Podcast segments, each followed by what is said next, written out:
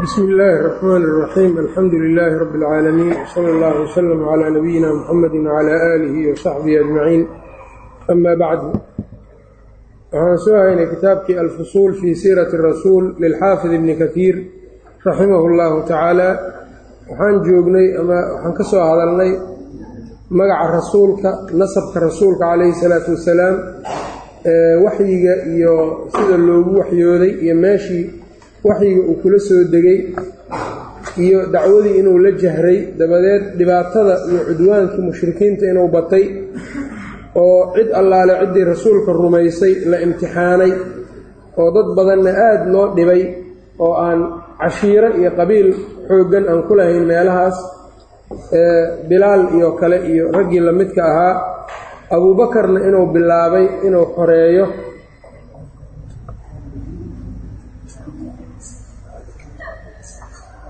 abuubakarna inuu bilaabay inuu dadka addoommada ah gato uu xoreeyo si ay markaa yacnii islaamnimadooda xor ugu noqdaan ugu ahaadaan oo sidaa meeshaas ayaan marka maraynay alhijratu ila alxabasha. Hijradii loo hijrooday alxabasha. Alxabasha marka la yidhaahdo waa dhulkan yeman ama badda cas wixii ka soo rogmado.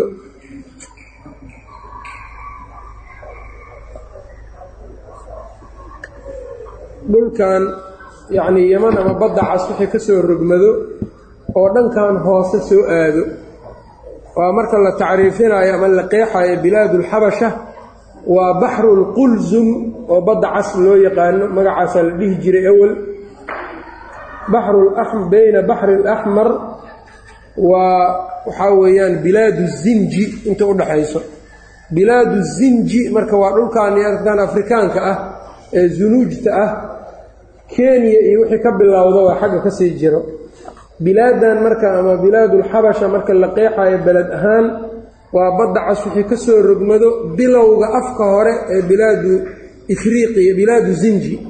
Kutubaha marka bilaadu ifriiqiya marka la leeyahay ifriiqiya iyagu waxay dhahaan dhulkan tuunis iyo afrikadan galbeed yacni waxaan u jeedaa afrikadan waqooyi ama bilaadulmaqrib ayaa kutubaha ifriiqiyada ah ku aragto dhulkaas waayo tuunis iyo dhulkaa wixii libiya iyo ayaa ifriiqiya la yidhaahdaa dhulkan kaloo hoose oo afrikaanku uu degana oo aan islaamku ku faafin saas uunan ugu faafinna bilaadu zinjiya la yidhaahdaa marka ardulxabasha mowqiceedu wuxuu noqonayaa dhulkan marka badda cas iyo inta afa afka hore ee bilaadu zinji inta u dhexayso marka dalal badan baa soo gelayo oo yacnii ay waddankan marka hadda etoobiya la yidhaahdo iyo eritreya iyo soomaalida iyo waxaasoo dhan waa soo wada gelayaan beled ahaan marka loo sheegayo dad ahaan marka loo sheegayana alxabashatu xabasha waxaa la yidhaahdaa kuwa nasaarada ah. Dadka muslimiinta bilaadan dega xabasho lama dhaho ama waxaa la yidhaahdaa azayaalica zayliciyiin waa la dhahaa.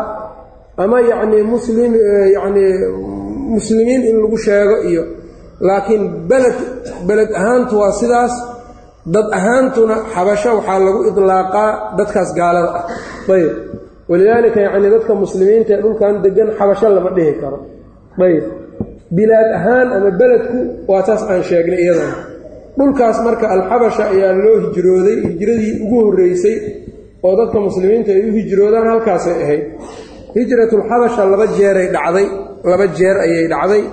Markii ugu horreysay waxay dhacday bishii rajab sanadku markuu ahaa sannadkii shanaad ee bictada laga bilaabay.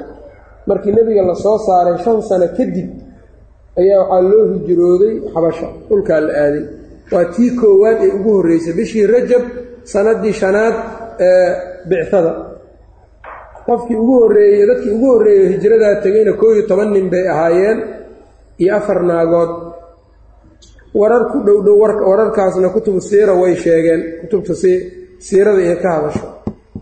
Lug ayay ku baxeen ilaa iyo badda ayay lugeeyeen saaxilka badda markii ay tageenna doon ayay kiraysteen.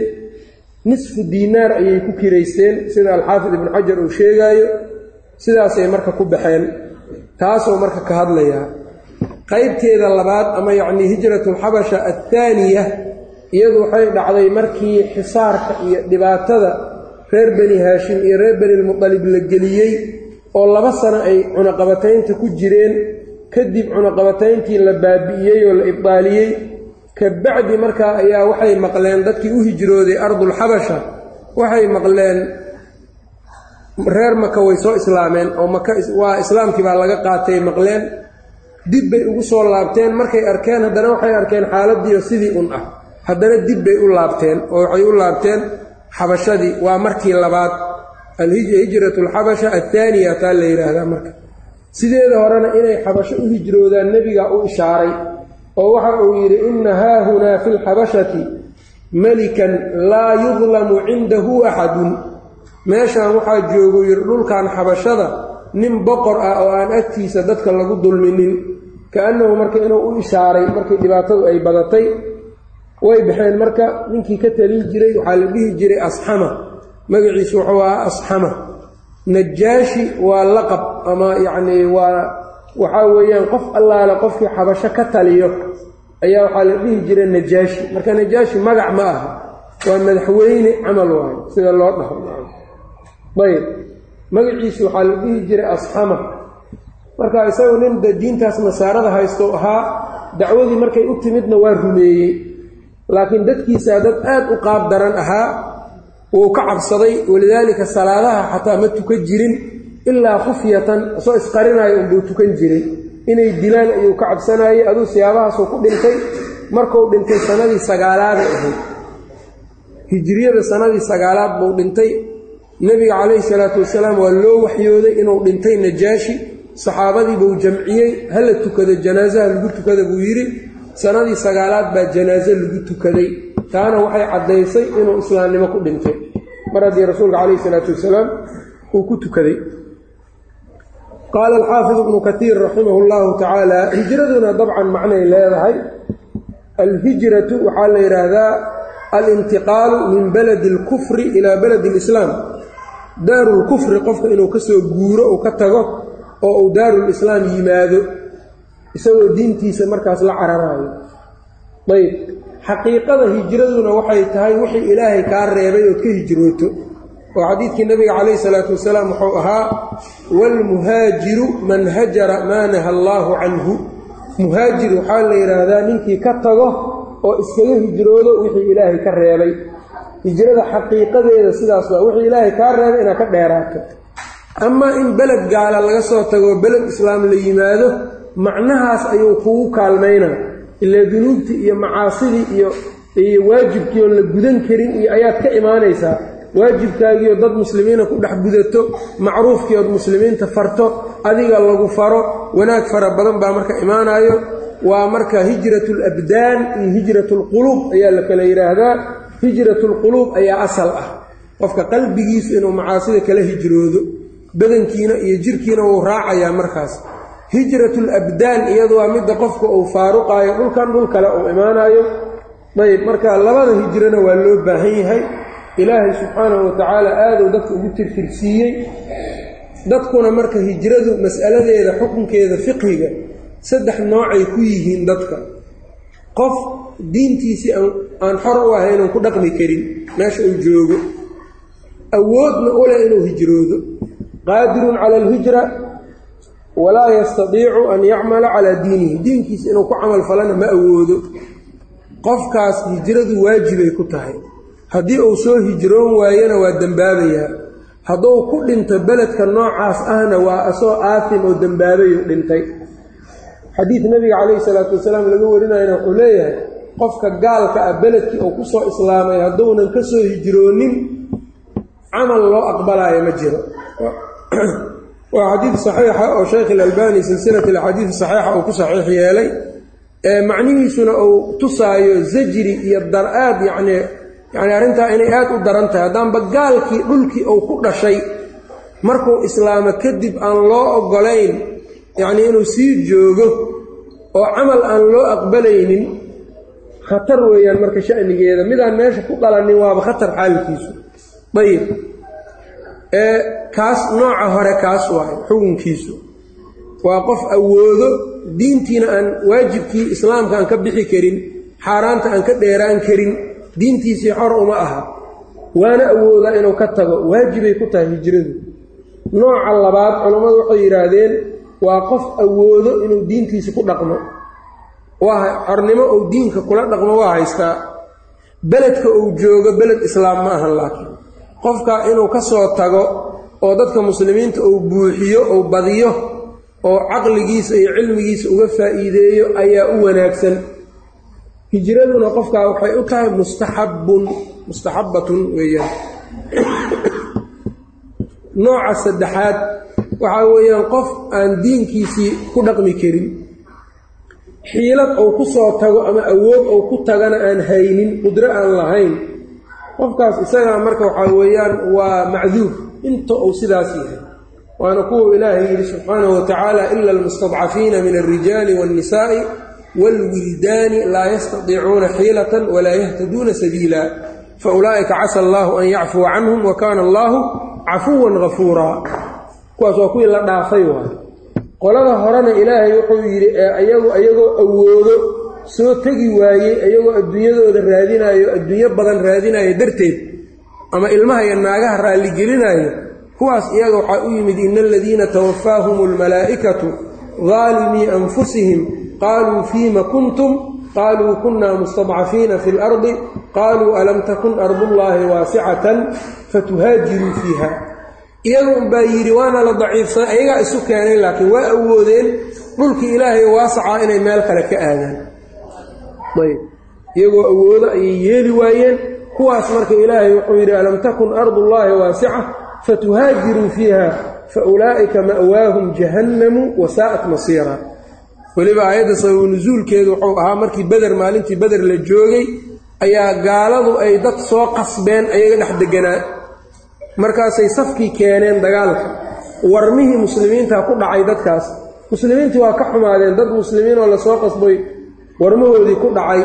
Markaasaan loo cudur daarin diyana aan la siinin aayaddaanna marka ay soo degtay. Ayb xaafid ibnu katiirna aad u aayaddan u fasirayaa hijradu marka xukunkeeda dadka marka loo fiiriya saddexdaas qaybood. Weligeedna hijradu waa daa'im waa joogto. Xadiidkii nebiga wuxuu ahaa hijrada iyo jihaadkuba yacnii inay weligood soconayaan. In allaale inta laba daare ay kala jirto. Waqti ay hijradu marka istaagaysa ma jirto. Nacam laa tanqadicu alhijratu xataa tanqadica atawba hijradu ma go'ayso ilaa towbadu ka go-do. Walaa tanqadicu tawba towbaduna ma dhammaanayso ma go'ayso xataa tatluca ashamsu min maqribiha ilaa ay qoraxda ka soo baxdo meesha ay u dhacdo. Qofku isagoo awoodo haddii marka meel diintiisa uunan ku haysan karin dhex joogo nebiga calayhi salaatu wasalaam waa ka beri noqday. Ayb nebiga calayhi salaatu wasalaam ayaa ka beri noqday qofkaas. Ayb axaadiidtaas marka waxay u dhacaysaa ibnu xajar sida uu yidhi dadka awoodo diinna aan markaa haysa diintoodana aan xor u ahayn. Ayb dalalka gaalada maanta dadka muslimiinta u badan yihiin diinta in lagula dhaqmo ama qofku uu diintiisa xorma u yahay mase uma aha. Masaladan marka haddii aan taas marka waaqacaas ku dabaqno waxaan ogsoonnahay inuusan xor u ahayn. Xor uma ahan sababtoo ah haddii isagu uu dhinto sidii la doonaa laga yeelaa xukunka ku socdana ama xukunka isagoo ku fulaayo waa xukunka gaaladaa ku fulaayo. Midda saddexaad waxay tahay ilmaha uu dhalay iyo xaaska uu qabana waxaa weeyaan waxay qasab ku yihiin ama isaga yacnii markaa uu mulsam ku yahay inuus tarbiyeysan karin oo uusan yacnii towxiidkii iyo waxyaabahaas hadday iyagu markaas aanay rabin isaga wax wax uu ku leeyahay oo yacnii markaa awood ah ama yacnii mas'uuliyad tarbiya ma laha. Dayb gaaladii iyo muslimiintii inay isnacaan waa la diiday nacam oo dadka waxaa weeyaan meesha iskula nool waxaa mulsam looga dhigay inuusan muuji karin ama sheegi karin ama xataa yacnii wax isnacayb la yidhaha inaan la oggolayn. Isnacaybka gaalada iyo muslimiinta ka dhexeeyana shay caqiide ah oo waa min muqtadayaati laa ilaha illa bay ka mid tahay. Intaas marka haddaanu qofka uusan xor u ahayn yacnii diintayda xoraan u ahay masaajidkan ku tukadaa aniga ninka weyn ah keliya ma aha. Iskoolka uu cunug ilmuhu ilmaha yareer ay tegaayaan diimaha dhanaa loo dhigaa. Kiristaankii yahuudiyadii islaamkii mid walbaa waxbaa looga dhigdhigaya waxaana la baraa in diimahaasoo dhan inay isu dul qaataan inay tahay oo isjeclaadaan oynan isnicin ayb. Taas iskoolka noocaasa ilmogeysigiisa ayaaba culummadu kufri waaye ay dhaheenba qaarkood. Fataawana ay ka soo saareen. Ayb. Qofkiina marka waxaa weeyaan cunugu lix markuu gaaro wuxuu ku qasban yahay qaanuunku inuu iskool geeyo marka waxyaabahaasoo dhan marka la fiiriyo waa wax asludiin taabanaayo oo aan la dhihi karin marka waxaani diinta in lagu haysto maadaama aan xor u nahay masaajid laga dhisi karo laa ba'sa dhismo masaajid keliya maaha waxa laysku hayo. Waa asalkii diinto adiga iyo ilmahaagii kugu kugu tacalluqo wa. Ayb marka taasoo kale ma ma noqonayso qeybka koowaaday gelaya. Waa meelaan diin lagu haysan karin qofkii awoodo marka isagu marka inuu dhex deganaado iskaga joogo iskaga noolaado looma ogola. Nacam. Xukunka sharciga taasuu noqona kii asagu marka de lugta ka xiranoon awood u lahayn walacalla in marka meeshaas aayadahan kale marka iyo ay wax ka soo galgalaan. Hijradu marka macaanidaas ama muqadamadaasaan ka hormarinayna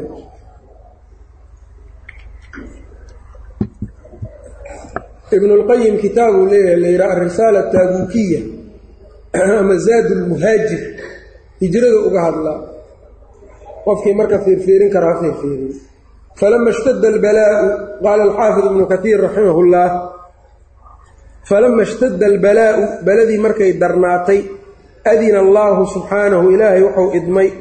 Lahum asxaabtii ama mu'miniintii uu u idmay fi lhijrati hijro ilaa ardi alxabasha loo hijroodo dhulka xabashada wa hiya ardulxabashana fii garbiyi maka maka galbeedkeeda waay galbeedka maka waay bayna albaladayni labada beled waxaa u dhexeeya saxaari suudaan.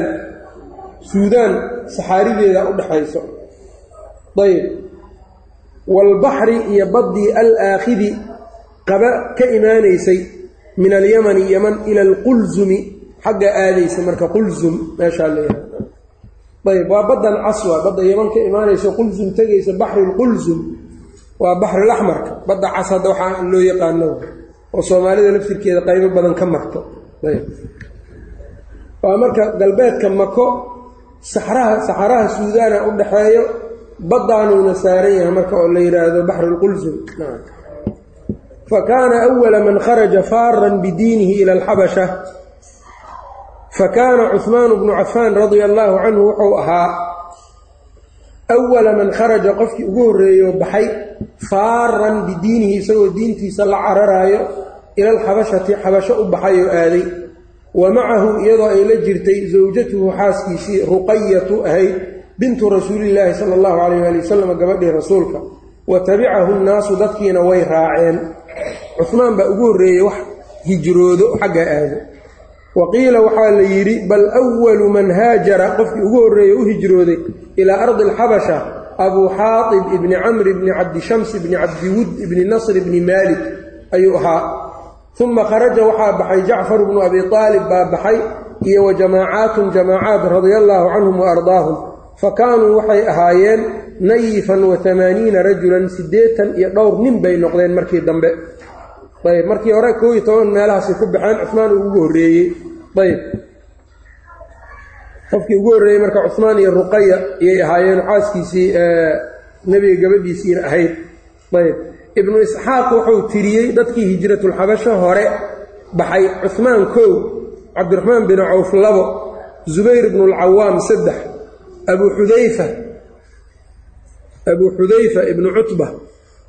Waa yacnii ninkii saalim mowla abi xudayfa mowlihiisa ahaawa ayb muscab bnu cumayr abuu salamata bni cabdilasad waa umu salama ninkeedii waa ka dhintay. Marka intaanu nebiga guursanin ka hor. Cuhmaan bnu madcuun caamir bnu rabiica suhayl ibnu baydaa abuu sabra ibnu arham alcaamiri. Wa yuqaalu ninkan booskiisa xaadib ibni camrinna waa la sheegay adu tobankaa nin ayaa raggii ugu horreeyo baxay nimankaasay ahaayeen. Ayb sababkay u baxeenna nebiga wuxuu sheegay nin boqor aan dadka dul agtiisa lagu dulminin inuu halkaa jiro ayna aadaan. Ayb. Dadka qaarkood marka iyadana halkan marka dad baa aad fahamkeeda u qaldo oo waxay yidhaahdaan gaaladan hadda joogto iyo dadkan hadda yacnii qofka waxaa laga yaabaa dowladaha muslimiinta dhexdooda ama waddankiisibaa dhibaata ku qabanaysaa oo dad muslimiina dhibaayo ama dowladihii muslimiintiibaaba dowlado qaab daran ah oo iyagu dadka cadaadiyo oo diinta dadka ku eriyo oo dadka ku dhibo. Markaasuu wuxuu leeyahay xornimo iyo dimuqraadiyadoo dhanba yurub iyo amerikay taallaa markaasuu wuxuu leeyahay rasuulkiiba waa kana markay kufaarumo ka dhibeen dadkii muslimiinta ahaa. Wuxuu yidhi ordaha nin aan dad agtiisa lagu dulminin oo najaashi la yidhaahdaa jire ordaha halkaas aada dadkan marka waxay leeyihiin bimansilati najaashi oo kale ee kuwan marka najaashi oo kale maan kuwan kuwa islaamka la dirira iyaga waayaba madaxdaas marka xun ee dadka dhibtaana iyaga xaggoodayba ka socdaanba. Oo iyagaa dadka u soo doorto iyagaa dadka u keeno iyagaa dadka u soo hormariyo calaaqaadna la leh. Marka kii aad ka cararaysay aabbihiis haddaad macnaha aad ka raadiso xornimo waa dhibaato kale. Ayb. Marka qofka inuu dhulkiisa iskaga sabro walacala allah an yugayira alxaal. Ilahay inuu axwaasha dooriyaa laga yaabaa taasaa u khayr badan. Nacam ayb. Kuwan iyo najaashina farqi waa u dhexeeyo kuwan iyagaaba dadka dulmiyo najaashi laakiin dadka ma dulmin jirin.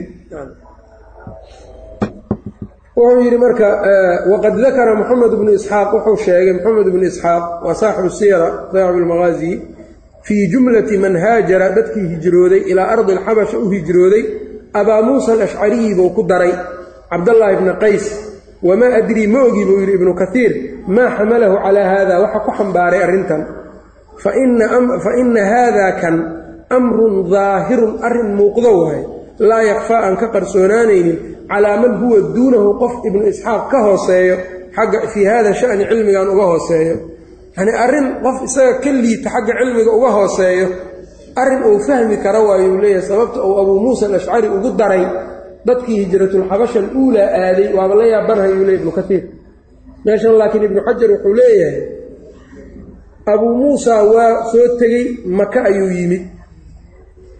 Maka markii uu yimid dabcan uu islaamay ayuu laabtayoo ardulxabasha u socday. Hijrada inuu wax ka galow damcay. Yeman ayaa jidkiisu noqday isaguna awalba reer yeman oo ahaa. Yeman ayuu ku laabtay ayuu yacnii jidkiisi isagoo ah halkaa ayaa marka uu ku hakaday uu joogay. Dabadeed markii uu is yidhi dhankaa iyo jacfar iyo xaggooda aad yani maka inuu ku soo laabtou damcaan u jeedaa yeman inuu ka laabtay isagoon weli ardulxabasho tegin inuu maka ku laabtou damcay. Doontii marka uu soo raacay ayaa dabayl intay ku kacday ayay xaggan iyo ardulxabasha u soo leexisay. Sidaasuu ku yimid marka oo jacfar ibnu abi aalib iyay markii dambe isla yimaadeen ba isla soo laabteen marka isaga wuxuu ka wadaa maahan marka abuu muusa alashcari dadkii maka ka tegoo taas u aaday ardulxabasha ma uunan ahayn. Ayb laakiin ibnu xajar wuxuu leeyahay kownuhu ou marka isagoo halkaa rabo uu yeman ku laabtay yeman uu ku leexday yaa waxay ka dhigan tahay inuu soo aaday un meeshaas. Markan ab noocaas oo kale yaa loo jamcinayaa buu leeyahay. Calaa kulli xaal sida ibnu kaiir sheegaya ma muuqato wax abuu muusa alashcari loogu daro raggan hore. Ayb fa ina hada amrun daahirun weeyaan laa yakfaa calaa man qof aan ka qarsoonaanaynin huwa duunahu isaga ka hooseeya fii hada shani uga hooseeyo. Waqad ankara dalika calayhi waxaa ku inkiray arrinkaa alwaaqidiyu.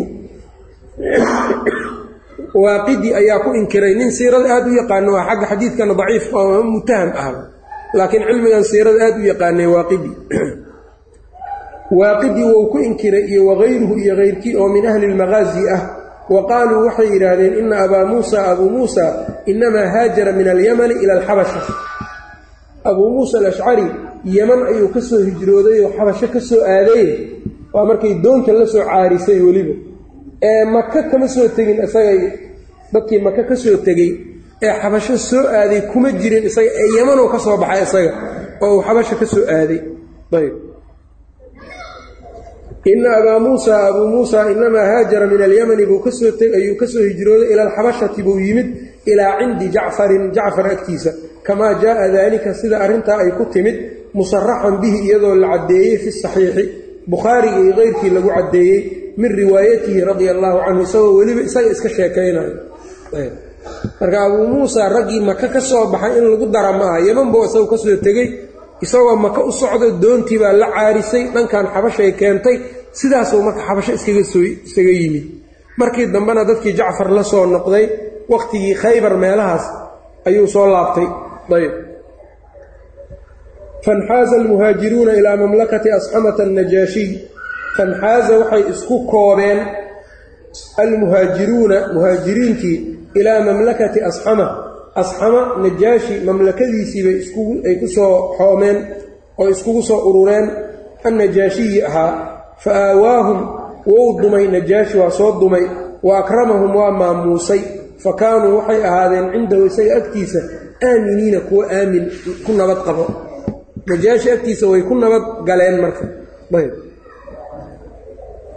Qoladaa marka saxaabadii markay u timid falamaa calimat qurayshun quraysh markay ogaatay bidaalika sidaas kaagaas markay ogaatay rag inay xaggaa ka soo carareen oo dhankan ay yimaadeen oo najaashi xaggiisa ay yimaadeen markay ogaadeen bacatat fii itrihim raadkoodii waxay ku soo direen cabdallaahi bna abi rabiica iyo wa camra bna alcaas ayay soo direen erge ka soo dhigeen bihadaaya bay la soo direen hadiyado wa tuxafin iyo hadiyado qaali ah min bilaadihim beledkoodii markaa ay ka keeneen ila najaashiyi ay u keeneen liyaruddahum soo ugu soo celiyo calayhim iyaga korkooda ugu soo celiyo.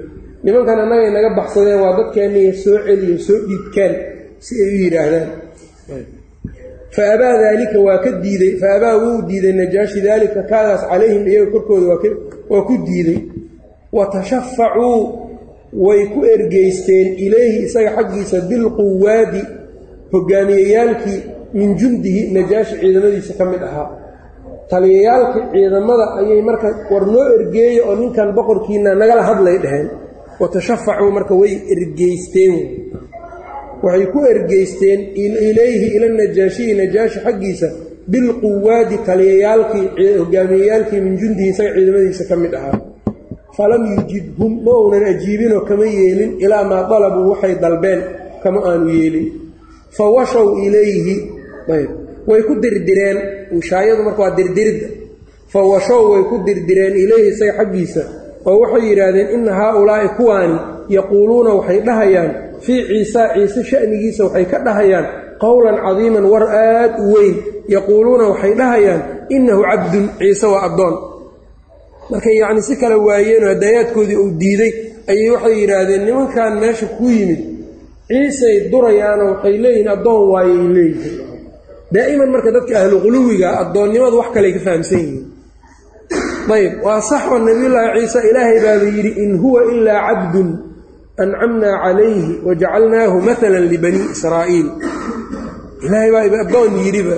Nebi moxamed oo ka fadli badnaana sidoo kale ilaahay baa addoon ku tilmaamo subxaana aladii asraa bicabdihi leylan min almasjid alxaraami ila almasjid alaqsa aladii baaraknaa xowlah linuriyahu min aayaatina inahu huwa samiicu albasiir laakiin iyagu waxay u haystaan marka nuqsaan iyo ceeb iyo ay u haystaan ayb nimankani marka waxay leeyihiin inahu cabdun ciisay dhahayaan war weyn bay ka leeyihiino inahu cabdun weeyaan bay dhahayaan fa uxdira almuslimuuna walidaalika marka mar walba saas waa nasaaradan hadda marka kirishtaankan ahlu quluwiga ah muslimiinta waxay leeyihiin ma toosna sababtoo ah ciisay caayaan. Maxaa lagu caayaa haddii la weydiiyo? Addoon ilaahay waayaad leedihiin addoon ilaahay baa ku sheegaysaan. Taasay caay u arkaan. Wahaakadaa dadka owliyada quluwiga ku sameeya iyo saalixiintana haddaad tidhaahdid war owliyadu xaq uma laha in la caabudo ilaahay baa xaq uleh in la caabudo wuxuu ku leeyahay. Maya sidaa maahana yacni owliyadaad caynaysaa ayuu ku leeyahay maad meel uga dhacaysaa ee owliyada see loo caaya addoomo waayo in la yidhaha addoon maad dhehaysaa ayuu ku leeyahay. Owliyadu waa bashar waa addoon sidaa ha dhihin. Kuwaanay isku war yihiin soo maha marka. Waxay dhibaato leedahay male addoonnimada ilaahay waa ammaan waay qofku hadduu ilaahay addoon u noqon waayo wax xunuu addoon u noqdaa ayb soo ma garanin. Nebigii ilaahayo timaalihii ugu qiimaha badnayd markii laga hadlaayey addoonnima looga hadlay isagii wuxuu yidhi laa tudruunii kamaa adrat inasaara bna maryam. Aniga igu xadgudbinina say nasaarada ciise ugu xadgudbeen oo kale innamaa ana cabdun ani addoonaan ahay faquuluu cabdullaahi warasuuluhu fa uxdira almuslimuuna muslimiintii waa la keenay. Ilaa majlisihi najaashi majliskiisii baa la keenay. Wa zaciimuhum hogaamiyahooda ama zaciimkooduna jacfar bnu abi aalib uu yahay radia allaahu canhu markaa. Jacfar bay ka dhigteen inuu u hadlo. Ayb dadku markay isku diin yihiin oy isku mabda' yihiin haddii la rabo in gar la galo ama arrin laga hadlo qof inay taladooda u dhiibtaan. Adiga noo hadal inay yidhaahdaan yay tahay. Ayb. Nebigana calayhi salaatu wasalaam asxaabtu wou baray sidaa inaynan iska kor hadlin daa'iman. Walidaalika saddex qofood hadday safar galaayaan hal nin amiir ha ka dhigtaan yiri nebiga saddex hadday safrayso hal nin amiir ha ka dhigtaan si aynan taladooda u noqonin talo kala tagtay saysan u noqonin. Marka diintu waxaa weeyaan diin nidaam amrayso waa diin marka dhaaca iyo samci ku dhisan. Markii ninkii nimankii saddexdii nin ee cabdiraxmaan ibnu sahal iyo xuwayisa iyo muxayisa markay dooneen kii yaraa inuu hadlo nebiga waa ka celiye u sug buu yidhi adiga ninka weyn ha hadlo yidhi kabir kabir marka mar walba ama weynaanta ama cilmiga ama yacni sida kale qofka amiirka markaa laga dhigtaya dadku u hadlaayay fa uxdira almuslimuuna muslimiintii ilaa majlisihi najaashi majliskiisii baa la keenay. Wa zaciimuhum zaciimkooduna jacfar bnu abi aalib uu yahay radia allaahu canhu. Fa qaala waxa uu yidhi annagu marka tan waa ku liidanaa dhinacaas. Dadku yacni markii safar la gelaayana intii isla socoto qof amiir kama dhigtaan. Kow hadday hadlaayaan dad ujeeddo wada lehna taladooda intay nin u dhiibtaan noo hadal ma dhahaan. Iskuma kalsoona dad iyaga dhanba marka waxaa weeyaan istuhmaayo markaasaa nin walba iyo naag walbaa meeshay ka qaylo dhaaminaysaa qof la maqlaaya marka qofkii wax dhegaysanaya cid ou maqlaya ma leh waxaa laga yaabaa wax saacad loogu dhammay karo. Sanawaad inay marka ay sugsugaan isaga soo daba laablaabtaan marka taa in inta layska dhaafo wixii isku dana dadkii meel ku wada tukado. Inay walba yacni hadday dan leeyihiin dad inay inta xil saartaan dadka u hadlaan. Waxay u soo gooyaanna ay yeelaan. Marka wuxuu yidhi fa qaala waxa uu yidhi maa yaquulu haaulaa'i? Kuwan maxay dhahay? Maa yaquulu? Maxay dhahayaan? Maa yaquulu? Maxay odhanayaan haaulaa'i kuwan. Innakum idinku taquuluuna inaad leedihiin fii ciisaa ciise sha'nigiisa kuwan maxay odhanayaan inaad idinku ciise ka leedihiin? Yacnii dadkan waxbay idinka sheegayaan inaad ciise ceebaynaysaan nuqsaaminaysaane bal idinka xaalkiinna ka warrama. Fatalaa calayhi jacfaru. Jacfar wuxuu ku akhriyey suurata kaaf haya cayn saad. Ayuu ku akhriyey suuratu maryam.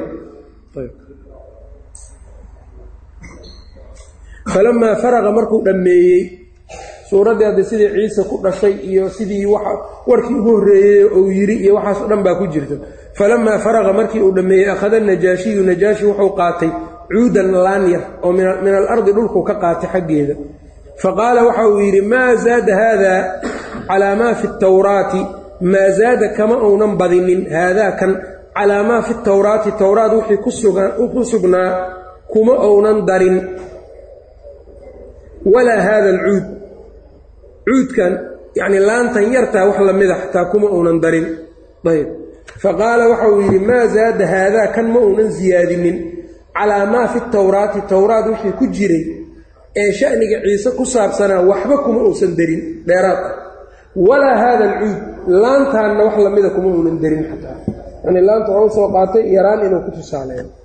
Uma qaala waxa uu yidhi idhabuu taga fa antum idinku suyuumun kuwa kuwa nabadgalay baa tihiin. Fa antum idinku suyuumun ay saalimuuna kuwa nabadgalayaa tihiin biardi dhulkayga ku nabadgalay man sabbakum qofkii idinka idin caayo harima waa magdhabayaan waa laga aargudayaa qofkii idin caayo xataa waa laga aargudayaa saa buu yidhi markaan. Suyuum sayuumna waa la wariyey kelima xabashiya weeyaan. Macnaheedana aaminuuna saalimuuna ayaa laga wadaa sidaabaa marka uu yidhi nimankii marka waa ku daadatay camr bnulcaas iyo ninkii kale ee la soo diray. Wa qaala licamrin wa cabdullaahi wuxuu ku yidhi wallaahi baan ku dhaartay low acdaytumuunii haddaad isiisaan dabran yacnii shinnida keeda labka ah ayaa dabri la yidhaha min dahabin oo dahab ah. Yacnii shinni guuraysa wax la egoo dahab haddaad isiisaan yaquulu jabalan min dahab yaquulu wuxuu leeyahay jabalan buur oo min dahabin dahab ah. Buur dahaba haddaad isiisaan maa sallamtuhum ilaykumaa maa sallamtuhum ma aanan dhiibeen iyagu ma dhiibaayo ilaykumaa idinka idiin dhiibi maayo. Maa sallamtuhum ma dhiibaayo ilaykumaa idinka idiin dhiibi maayo. Uma amara waa tegey faruddat calayhimaa. Waxaa loo celiyey oo iyagaa lagu celiyey hadaayaahumaa hadiyadahoodii warajacaa way noqdeen maqbuuxayni iyagoo la fool xumeeyey bishari xiibatin xaalad midda ugu shar badan wa aswa'ihaa ugu xun. Xaalad middii ugu xumayd bay ku laabteen. Ay ku tageen. Qisadii marka waxaa laga qaadanayaa marka qofku meel haddii diinkiisa lagu dhibaa ou joogo oo diinkiisa aanu ku makansan karin inuu u wareego meel uu diintiisa ku haysan karo. Inuu u wareego ilaahay dhulkiisii waa waasic adduunyada markaa iyo ciriiriga ku noqonayso iyo qaxootinimada iyo uu qofkaasi gelaya inuunan fiirinine raasumaalkiisa uu ilaashanayo diintiisa inuu eego uu fiiriyo. Yaa laga qaadanaya.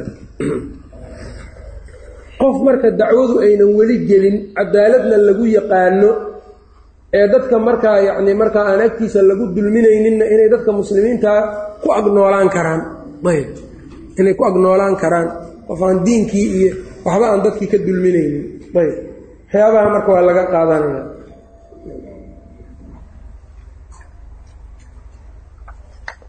hijraduna waxay kala saartaa dadka xaqiiqatan.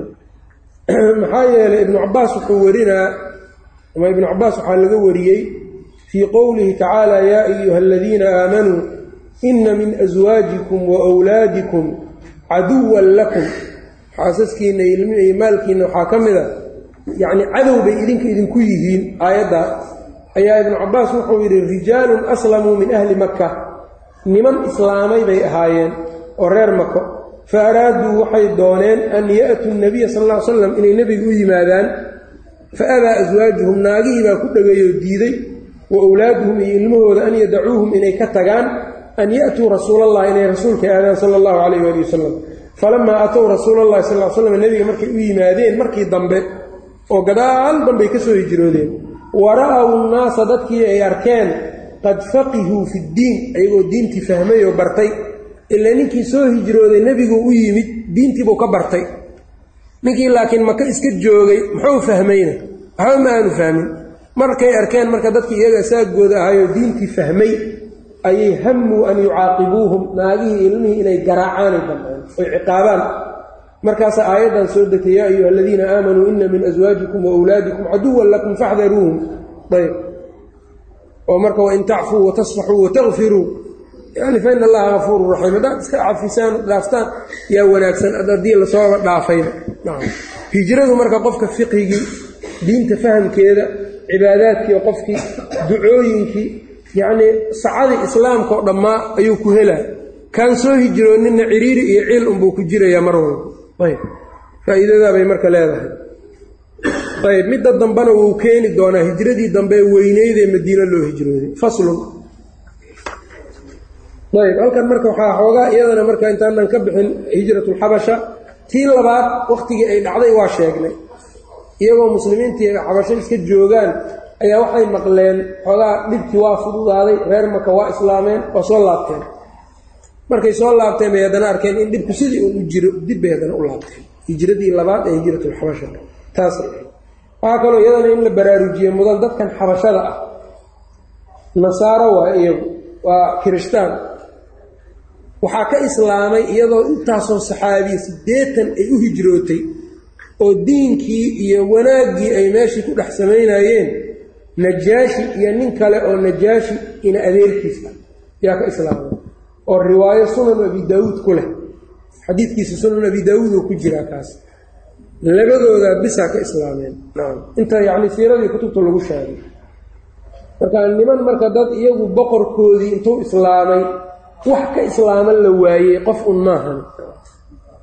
Qof maahan. Iyo wax lamida oo boqorkoodii uu salaadii iyo la dhuumanaayo waxaad dareemaysaa sharta iyo foolxumada iyo xumaanta meesha ay ka gaareen. Ummadaha kale yacni diintu meelo badan ay gaartay. Dadkii loo tagaba magaalo markuu islaamku uu tagaba intaanu saxaabi iska dayo hal ama laba hadduu tago yaad arkaysaa siddeetan sagaashan boqolaal nin inay soo islaamayso. Iyaga iyagoo saxaabo u tagtay badan boqorkoodii islaamay yaa haddana islaam nacayb iyo foolxumo iyo yacnii in baatil lagu ad adkaado lagu yaqaanaa ayb walidaalika marka waxaa weeyaan jihaad dalabo iyaga lagu qaadaana waxba waa ka keeni waaye. Jihaad dalabo iyaga lagu qaadaana dacwadii waa u gaari weysay. Walidaalika saxaabadu halkaas ma dhinacan umaba soo jihaad teginba. Dhulalkii kale islaamka xagga kale unba mar walba u waasacmaayey. Fuqahada marka islaamka waxay dhahaan jihaadka xabashada lala jihaado waa jihaadu dafci. Sidiisa badanba iyaga shartooda iyo dagaalkooda iyo weerarkooda in layska difaaco oo sidaas lagula dagaalamo maahane waxba inaan dalab loo aadin. Abu daawuudna marka sunankiisa wuu baabeynaya wuxuu leeyahay baabu nahyi can tahyiiji alxabasha. Baabba wuxuu ka dhigtay iska reebidda layska reebay xabashada in la kiciyo in la kiciyo iska reebidda layska reebay. Abu daawuud sidaasuu baabaystay xadiid xasan abuu marka ku dhigay oo waxa uu yidhi utruku lxabashata maa tarakuukum. Oo nebigu sala allahu calayh ali wasalam uu yidhi xabashada iska daaya intay idin daynayaan. Shardi baa ku xiran. Intay idin daynayaan daaya. Xadiidkan marka waxaa laga qaatay jihaadka lala gala inuu jihaadu dafci yahay. Jihaadu dalab wax ay wax ka soo noqonayaanoo dacwo ay gaaraysa yaa loo sameeyaa oo jihaadu dalabku waa nooc dacwada ka mida waa isagu. Kuwani waxaa weeyaan hadday dacwo wax ku keenayaan siddeetan saxaabi iyo boqorkoodii oo islaamay bay wax ku keeni waayeen.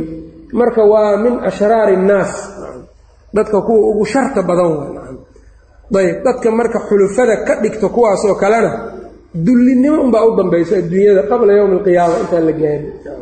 Qiyaamaha intaan la gaarin shartooduna hadda dadku waa garanayaanoo wax marka bilaadan dadka deganay way fahamsan yihiin oo waa garanayaan.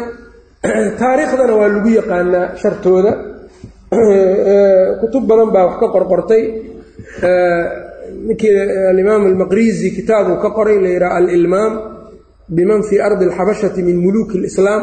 Maqrizi muluugtii islaamka ee meesha joogjoogi jirtay iyo siday nimankan yacni ku ahaayeen iyo shanigu sidau ahaa buu kitaab ka qoray ibnu fadlillaahi alcumari oo isaga xoogaa yar ka horreeyeyna masaalikul absaarka kitaabkiisu iyaguna xabashada waxbuu ka qoray badan.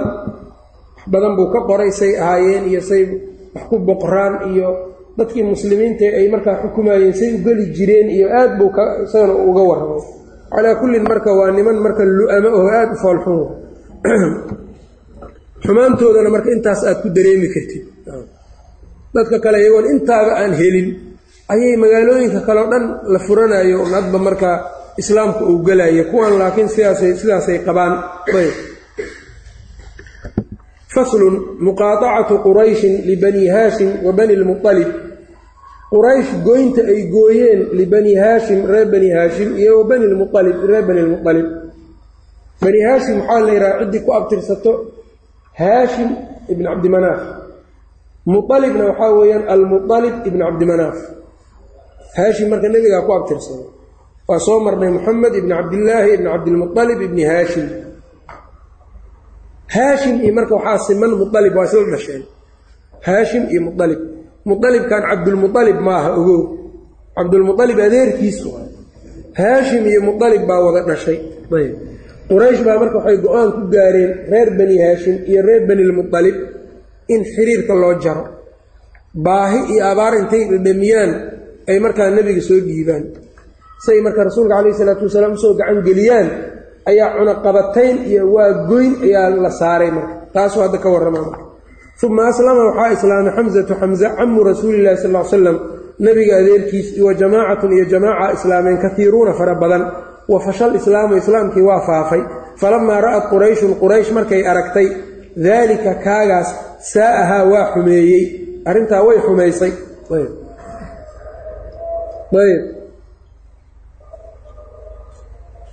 Saa'ahaa arrintaa marka way xumaysay quraysh bay arrintiibaa quraysh xumaysay. Wa ajmacuu waxay isku wada gaareen go'aan ku gaareen calaa an yatacaaqaduu inay markaa heshiis ku gaaraan oo ay heshiiyaan calaa bani haashim reer bani haashim ay u heshiiyaan iyo wa bani lmualib reer bani lmualib ibnay cabdimanaaf ahaa mualibka iyo haashimka oo ibnay cabdimanaaf cabdimanaaf labadiisa wiil ahaayeen. Allaa yubaayicuuhum inaynan la wax ka gadanin inaan wax laga gedin lagana gadanin. Walaa yunaakixuuhum inaynan ka nikaaxsanin una nikaaxin walaa yukallimuuhum inaan lala hadlin inaanay la hadlin. Walaa yujaalisuuhum aynan la fadhiisanin xataa yuslimuu ilaa ay ka soo dhiibaan ilayhim quraysh ay u soo dhiibaan rasuulallaahi sala allahu calayh waali wasalam nebigii khido kale waa middaa tii hore waxaa lagu waayey way soo laabteen. Hadda marka feker kalea la keenay marka. Fekerka wuxuu noqday in cunaqabatayn la saaro adag si markaa rasuulka loo soo gacan geliyo. Waxaan hadda marka shaydaankan ku akriyey shaydaanka kuwan ku akriyey yaa kuwanna ku akriyo isku meelay wax ka cabayna tawaasaw bihi bal hum qowmun taaguun wax hadda cusub maaha cunaqabataynta waa weligeed jiri jiray. Waa middan hadda uu ka hadlayo marka sidaabay marka ay ugu heshiiyeen xataa yuslimuu ilayhim rasuula allahi sal ly slam wa katabuu bidalika sidaana waxay ku qoreen heshiiskaas saxiifatan warqad wa callaquuhaa waxay ku dhejiyeen ay ku xireen fii saqfi lkacbati kacbada saqafkeeday ku dhejiyeen. Warqad bay qoreen heshiis in lagu gaaray labadaas qolo ilaa ay nebiga ka soo dhiibaan in la gooyo wayna qoreen kacbadayna sureenay ku dhejiyeen wa callaquuhaa waxay sureen fii saqfi lkacbati kacbada saqafkeeda. Yuqaalu waxaa la yidhi buu yidhi ibnu kaiir waxaa la leeyahay ina aladii katabahaa ninkii qoray mansuur bnu cikrimata bni caamir bni haashim bni cabdimanaaf ayuu ahaa. Wa yuqaalu waxaa la yidhi bal huwa isagu annadr bnu lxaarif waaye. Fadacaa calayhi rasuulu llahi sal l slam nebigii baa habaaray fashullat yaduhu gacantiisii waa la qallajiyey oo gacantiisii uu ku qoray waxaas waa qallashay. Sidaa markay dhacday marka dabcan markii sidaa la yeelay banu haashim iyo banulmualib rasuulkii calayhi salaatu wasalaam ayay marka garab istaageen. Mar haddii nebigii lagu goynayo way garab istaageen. Garab istaagidoodaasna ma aynan ahayn islaamnimo ay islaameen ma ahayn iyo jacayl ay islaamka u qabaan laakiin mid waxay ahayd ku dhisan wiilkoodii iyaga ka dhashay oo la takooraayo waa garab istaageen marka xamiye ahaan iyo yacnii qabyaalad ahaanay u garab istaageen. Ilaahaynad waa ugu gargaaraya ilaahay diinkiisa ciddou doono ugu gargaaraya ina allaha la yu-ayidu hada addiina birajuli lfaajir xadiidkii muslim ku jira saasuu ahaa. Ilaahay diintan wuxuu ugu gargaarayaa mid faajir aba iyaga marka waxaa weeyaan abuu daalibaana ka shaqeeyey arrintaa oo reer bani lmualib iyo reer bani haashim isku xiray aan adkaysanna uu yidhi marka meel waxay galeen marka shicbi ayay galeen oo shicbu abi aalib la yidhi halkaasay marka ku xayirnaayeen iyaguna fanxaasa banuu haashimin reer bani haashim marka waxay ku urureen iyo wa banulmualib iyo reer bani lmualib way urureenoo iyagiiba isku soo ururay. Waa isgaashaan buursadeen fanxaaza banuu haashim reer bani haashim iyo banulmualib reer bani lmualib way isgaashaan buursadeenoo way isu soo dumneen. mu'minuhum mu'minkooda iyo wa kaafiruhum iyo gaalkooda. kooda mu'minka iyo midkooda gaalkaa waxba kama harin. meeshoodaasay ayaguna bartoodaasay fariisteen. ilaa abaalahbin abulahab maahane abulahab nabiga adeerkiisu ah dabcan. Abulahab maahane lacanahu allah iyo wa waladuhu iyo ilmihiisii cunugiisii fii shicbi abi aalib shicbi abi aalib bay marka ay u dulmeen oy isku gaashaan buursadeenay aadeen. Maxsuuriina iyagoo la sharay oo la hareereeyey mudayaqan calayhim iyagoo la ciriiriyey korkooda jiddan aad loo ciriiriyey naxwan min alaai siniin saddex sano ku dhowaad saddex sanaa marka ciriirigaas ay ku jireen. Ayb. Oo qof wax u keeno iyo qof markaa yacni wax u geeyo aanu jirin ilaa dhib iyo rafaad iyo qofka wax loo keenana qofka wax u keenayana uu cabsanayo risaalada marka ama warqaddaa marka ninbaa wuxuu ka shaqeeyey inuu baabi'iyo siduu ku baabi'in lahaa. Ayuu ka shaqeeyey. Wuxuu bilowday cunaqabatayntaana waxay bilaabatay bishii muxaram sanadku toddoba markuu ahaa sanata sabcin min albictha ayb ilaa laba sano waa la yidhi ilaa saddex sanona waa ku jireen meelahaas. Muusa bnu cuqba isagu wuxuu yidhi kaanat alaaa siniin. Muusa bnu cuqba waa min rijaali lbukhaari imaam maalik ninka uu siirada ka wariye waaye saddex sanay gaartay buu yidhi isaga xataa jahaduu ilaa ay ka dhibtoodeen qof wax u imaan jiray oo quud ana ma jirin ilaa khufyatan qarsoodi unba ugu imaan jiray. Cuntada la cuno ayaa si qarsoodi ah ugu imaan jirtay xataa annahum kaanuu yuduuna ayb. Ilaa marka iyagu ay ka yani kufaartii quraysh way dhibi jireen man curifa annahu yabcatu liaqribaa'ihi silaatin. Qofkii lagu garto qaraabadiisa meesha jirta inuu u geynaayo xoogaa oo wax u geynayo waa la ciqaabi jiro aad bay u ciqaabi jireen. Kadib marka bahashaas warqadaasi waa la burburiyey ayb markaa wuxuu yidhi wa hunaaka camila abuu aalib qasiidatahu lmashhuura abuu aalib meeshaasuu ku sameeyey gabaygiisii caanka ahaayo jaza allaahu cannaa cabda shamsin wa nawfalan. Gabaygaa marka ayuu ku tiriyey meeshaa marka. Uma sacaa fii naqdi tilka asaxiifa aqwaamun min quraysh. Rag marka quraysh ka mida ayaa waxay u saciyeen oy ka shaqeeyeen inay burburiyaan oy baabi'iyaan warqaddaas warqaddaa iyo heshiiskaas sidii lagu burburin lahaa ayaa dad ka shaqeeyeen. Fa kaana alqaa'imu biamri dalika arrinkaa kan u istaagay wuxuu ahaa hishaama bna camr bni alxaarif ibni xubayib ibni nasr ibni malik ibni xisn ibni caamir ibni lu'ay ninkaa ayaa ka shaqeeyey sidii loo burburin lahaa. Mashaa fii daalika arrinkaabuu ula socday? Ilaa mucim ibni cadiy ninkii la dhihi jiray waa ninka nebigu uu magangelyadiisa ku yimid maka marka dambe uu ku imaan doono ouna ammaanay oo uu yidhi ilaahan ku dhaartay markuu dadki maxaabiistii beder markuu qabtay gaalada. Low kaana almucim ibnu cadiy ninka mucim ibnu cadiy la yidhaahdo kallamanii calaa haaulaai natnaa kuwan qurunka ah hadduu igala hadli lahaayo shanigooda waa u dayi lahaa yidhi ninkaas maxaabiistan fartan ka saari lahaa yidhi. Nin marka uu dabcigiisa iyo yacnii kartidiisa iyo dadnimadiisa u jeclaaday ahayd rasuulka calayhi isalaatu wasalaam. Ayb marka dadka iyaga laftirkooda cadowga oo kaa soo horjeeda isku mid ma wada aha. Ayb. Ama gaalada laftirkoodaan isku mid wada ahayn. Ayb. Oo axwaashoodu marka ay kala duwan tahay. Nacam kuwana waxaa weeyaan doqonnimada iyay meesha ugu dambaysa ka joogaan abujahal iyo abulahab iyo kale. Kuwana waxaa weeyaan marka waxbay isu reebanayaan.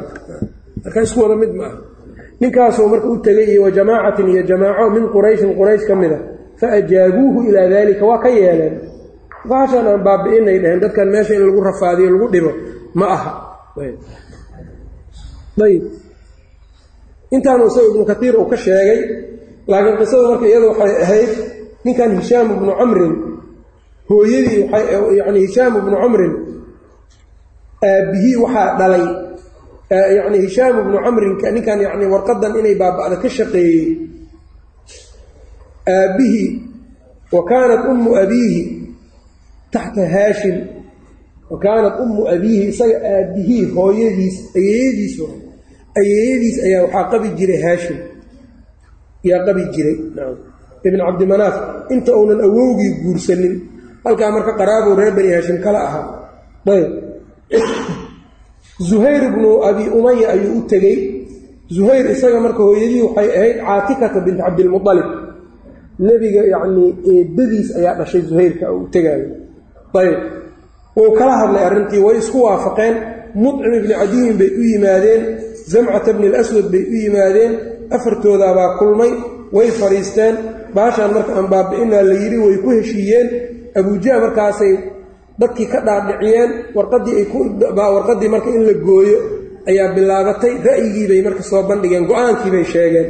Abujahal markuu go'aankaa maqlaybu wuxuu yidhi haadaa amrun qad qudiya bileylin arrintan arrin habeen la dabaray waayo shirqool xilli habeena naloo maleegay waayo yidhi arrintan waa laga dambeeyey. Ayb. Muxuu qaban karaa marka isaga keligiisoo noqday dadkii kale oo dhan ayaa xagga laga marsaday. Isagii baa marka meel cidlaa la soo istaajiyey dabaalnimadiisu marka waxba ma tarayso. Dadkii laga soo kaxeeyey caqli iyo karti iyo yay isticmaaleen marka nimankan. Ayb. Warqadii bay marka u yimaadeen oo kacbada suran famazaquuha waa jeexjeexeen ayb. Wa abdaluu xukmahaa xukunkeedana waa baabi'iyeen. Ibnu hishaam wuxuu leeyahay al-arada aboor ayaa warqadda cunay. Markii la soo bixinayo waxaa la arkay iyadoo aboor baaba cunayba warqaddii ana alardata qad akalat jamiica maa fiiha ila sma allah. Ilaahay magaciisa maahee inta kale aboor baa baabi'iyey warqadda cunayda. Ibnu isxaaq iyo muusa bnu cuqba cagsi bay wariyeen. Aboorku wuxuu cunay wixii magac ilaahay ah bis warqadda inteeda kalena iyadoo sideedaa loogu yimid baatilkii ay ku dhigeen markaasaa la jeexjeexo la googooyey dadka hortooda. Sidaasay iyagu warinayaan muusa bnu cuqba iyo ibnu isxaaq. Ibnu xajar saasuu fatxulbaariga ku sheegay. Wa akhbara rasuulullaahi sala allahu calayh ali wasalam nebigu wuxuu sheegay buu yidhi qowmuhu qowmkiisa u sheegay ana allaha alla qad arsala calaa tilka saxiifati saxiifada ama warqadaa inuu u soo diray alaradata aboor fa akalad way cunta jamiica maa fiiha waxa ku jiro dhan ilaa dikrallahi caza wajalla mooyaane fa kaana kadalika sidaabay ahayd marka ayb oo saas intuu sidaa sheegay ayaa warqaddii la soo bixiyey sidii bay noqotay riwaayadaas ibnu kaiir isagu rajaxay raacayna reer bani lmualib reer bani haashim maxay ku heleen marka mowqifka adag marka lagu jiro dadka wanaagooda iyo waxtarkooda iyo khayrkooda iyo waa la ogaadaa reer bani lmualib marka taariikhduna dabcan dadku waa kala saartaa reer bani haashim ayaga nebigaaba lagu colaadinayay reer bani lmualibna inaysan ka harin ay go'aansadeen qolooyinkii kale o dhan oo quraysh ayaga waxay raaceen gaashaanbuurtaas kaley raaceen. Maxay ku faa'iideen waxay ka faa'iideen marka inay noqdaan yacnii reer bani haashim inay ku xugun noqdaan. Zakada ma qaata reer bani haashim iyo reer bani lmualib oo nebigu sal ll ly slam waxau yidhi zakadu waa awsaaqu nnaas dadka wasakyaalkooda waa wasakda dadkana uma habboonuu yidhi reer muxamed iyagii marka reer muxameday galeen reer bani lmualib iyo reer bani haashim cusmaan markuu yidhi rasuulka ilaahay annaga iyo reer bani lmualib waa kuu simannahay kuwan maxaa sakadii looga manciyey oo aad yacni khumuskana loo siiyaa maalka khumusulkhumuska iyaga waxaa waclamuu anamaa hanimtum min shayin fa ana lilaahi khumusahu walirasuuli walidilqurbaa qaraabada la siinaayo waa qaraabada rasuulka caleyh isalaatu wasalaam waa reer bani lmualib reer bani haashim. Annaga maxaa naloo siiyi waayu yidhi markaasu wuxuu yidhi rasuulka calayhi salaatu wasalaam naxnu wa banu lmualib sawa. Annaga iyo reer bani lmualib haddaan reer bani haashim nahay iyo reer bani lmualib isku mid waayo mowqifkii ay qaateen oo wanaagsanaayo nebiga ay ku garab istaageen baa sharaf ayay u noqday walidaalika qofka maalinka loo baahan yahay hadduu wanaag muujiyo taariikhda wax fiicanay ka sheegeen kii markaas xumaan muujiyo ama caajisana taariikh ma xusayso. Uma rajaca banuu haashimin wa banu lmualib ilaa makata reer bani haashim iyo reer bani lmualib makay ku soo ay soo galeen. Markii hore bannaankay joogeen. Meeshaasaa lagu sharay shicbi abi aalib markii dambe waxay soo galeen makay soo galeen. Wa xasala sulxu sulxigii baa xasilay heshiiskii baa dhacay biragmin min abi jahlin biragmin sandulle ayuu ku dhacay min abi jahlin abu jahl sandulle la sandulleeyey ayuu heshiiskii ku dhacay camr ibni hishaam. Yani nimankan dadka kale ay la mid noqdaan. Watasala alkhabaru biladiina hum bilxabasha. Watasala alkhabaru warkii wuxuu la xiriirsaday uu gaaray. Biladiina hum bilxabasha kuwii xabasho joogay muslimiintii joogay anna qurayshan quraysh aslamuu inay islaameen faqadima makata maka waxaa soo galay minhum kuwa xaal ay ka mid yihiin jamaacatun jamaaco fawajaduu lbalaa'a washiddata waxay arkeen marka balaayadii iyo shiddadii kamaa kaanaa say ahaayeen inay weli u jiraan fastamaruu bimakata maka ayay iska joogeen ilaa an haajaruu ila almadiinati intay madiino uga hijroodaan yacnii qaarkood makay iska joogeen kuwana waa laabteen ayb ila sakraana bna camrin mooyaane zawja sawdata binti zamca maahan fainahu maata bacda maqdamihi min alxabasha fainahu isagu maata wou dhintay ninkaa bacda maqdamihi bacda quduumihi soo gelidiisa min alxabashati uu ka soo galay kadib bimakata ayuu ku dhintay qabla alhijrati hijrada qabla alhijrati yani qabla hijrati lmadiina madiina hijradeeda ka hor wa ilaa salamata bni hishaam wa ciyaasha bna abi rabiica ma ahni labadaa nin fa inahumaa iyagu uxtubisaa waa la xabisay. Mustadcafayni iyagoo markaa la daciifsaday oo laga awood badiyey. Ayb wa ilaa cabdallaahi bna makhramata bni cabdilcuza mooyaane. Fa inahu xubisa isagana waa la xabisay. Falamaa kaana yowma badrin maalintii beder markay ahayd haraba min almushrikiina mushrikiintiibuu ka soo cararay ila almuslimiina buu u soo cararay. Xikmada marka muqaadacada ku jirta waxay tahay in lagu imtixaanayo qofka diintiisa. Haddii lagu imtixaanana inuu la sabartamo imtixaankaas zaman iyo meel inaynan ka dhammaanaynin weligeed dadka ahlu muru yacni waxaad garanaya sidoo kale qisadan laga fahmayaa xilli walbaa dad akhyaar ah oo muruu'a leh oo ragadnimo leh inay jiraan. Walow gaalaba iyagu ha iska ahaadaan hadday doonaan. Maxaa yaele warqadan dadkii hor dadkii baabi'iyey markay baabi'inayeen muslimiin ma aynan ahayn. Oo gaale iyagoo gaala abay baabi'iyeen haddana laakiin wax uun raganimaa ku jirtay nimankaa iyagaan. Ayb ilaahayna subxaanahu wa tacaala sidaas u soo adeejiyey dadka marka ducaadda ah ama dadka yacni diinka yacni mas'uuliyaddiisa garabka saartay iyaga marka waxaa laga rabaa dadka inay u kala socnaadaan dadka wixii la-iim ahoo xun midka sharta badan kan doqonka ah oo isagu xumaan maahan caqli kale aan lahayn iyo ninka najdada iyo raganimada leh inay kala kasi karaan oo ninka caqliga iyo raganimada leh ay isku dayaan inay dacwada gaarsiiyaan isaga inay wax ku xalliyaan inay isku dayaan oo meesha iyagu aynan xallin karin inay midkaas geeyaan ay isku dayaan. Ayb oo dadka ahlumuru'ada ahlulmuru'a la yidhaha dadka ahlumuru'ada in laga faa'iidaysto. Ayb waxaa kaloo laga qaadanayaa cadowga ilaahay zaman kasta iyo meel kastaa wuxuu aad ugu dadaalaa hub walba inuu adeegsado dadkiioo la gaajaysiiye hadday noqon lahayd iyagiioo lelaayo hadday noqon lahayd iyagiioo marka xiriirka dadka kale ay la leeyihiin oo la jaro. Hadda markay najaashi tegayaan xiriirka dadka kale ay la lahaayeen ayay jaraayeen waa isticmaalaan kuwan. Waxaan hadda diblomasinimada la dhaho. Qofka markay rabaan inay baabi'iyaan diblomasinimo ayay marka hore xiriirkiisa diblomaasiga dhanay jaraayaan. Intaa kan bay u tegayaan kan u tegayaan kan bay u tegayaan haddana waa cuna qabataynayaan haddana iyagiibay isku dirayaan kadib marka waa weerarayaan dhulkay ka qaadanayaan waxay sameeyaan taas waa. Marka hadday muslimku isku duuban yahayna laguma samay karo waxaas. Hadday intay sabraan isku duubnaadaan way ka badbaadayaan. Wain tasbiruu watattaquu laa yadurukum kayduhum shay-aa waxaan marka waxaa weeyaan cilmi iyo caqli iyo ilaahay oo lagu kalsoonaado umbaa looga bixi karaa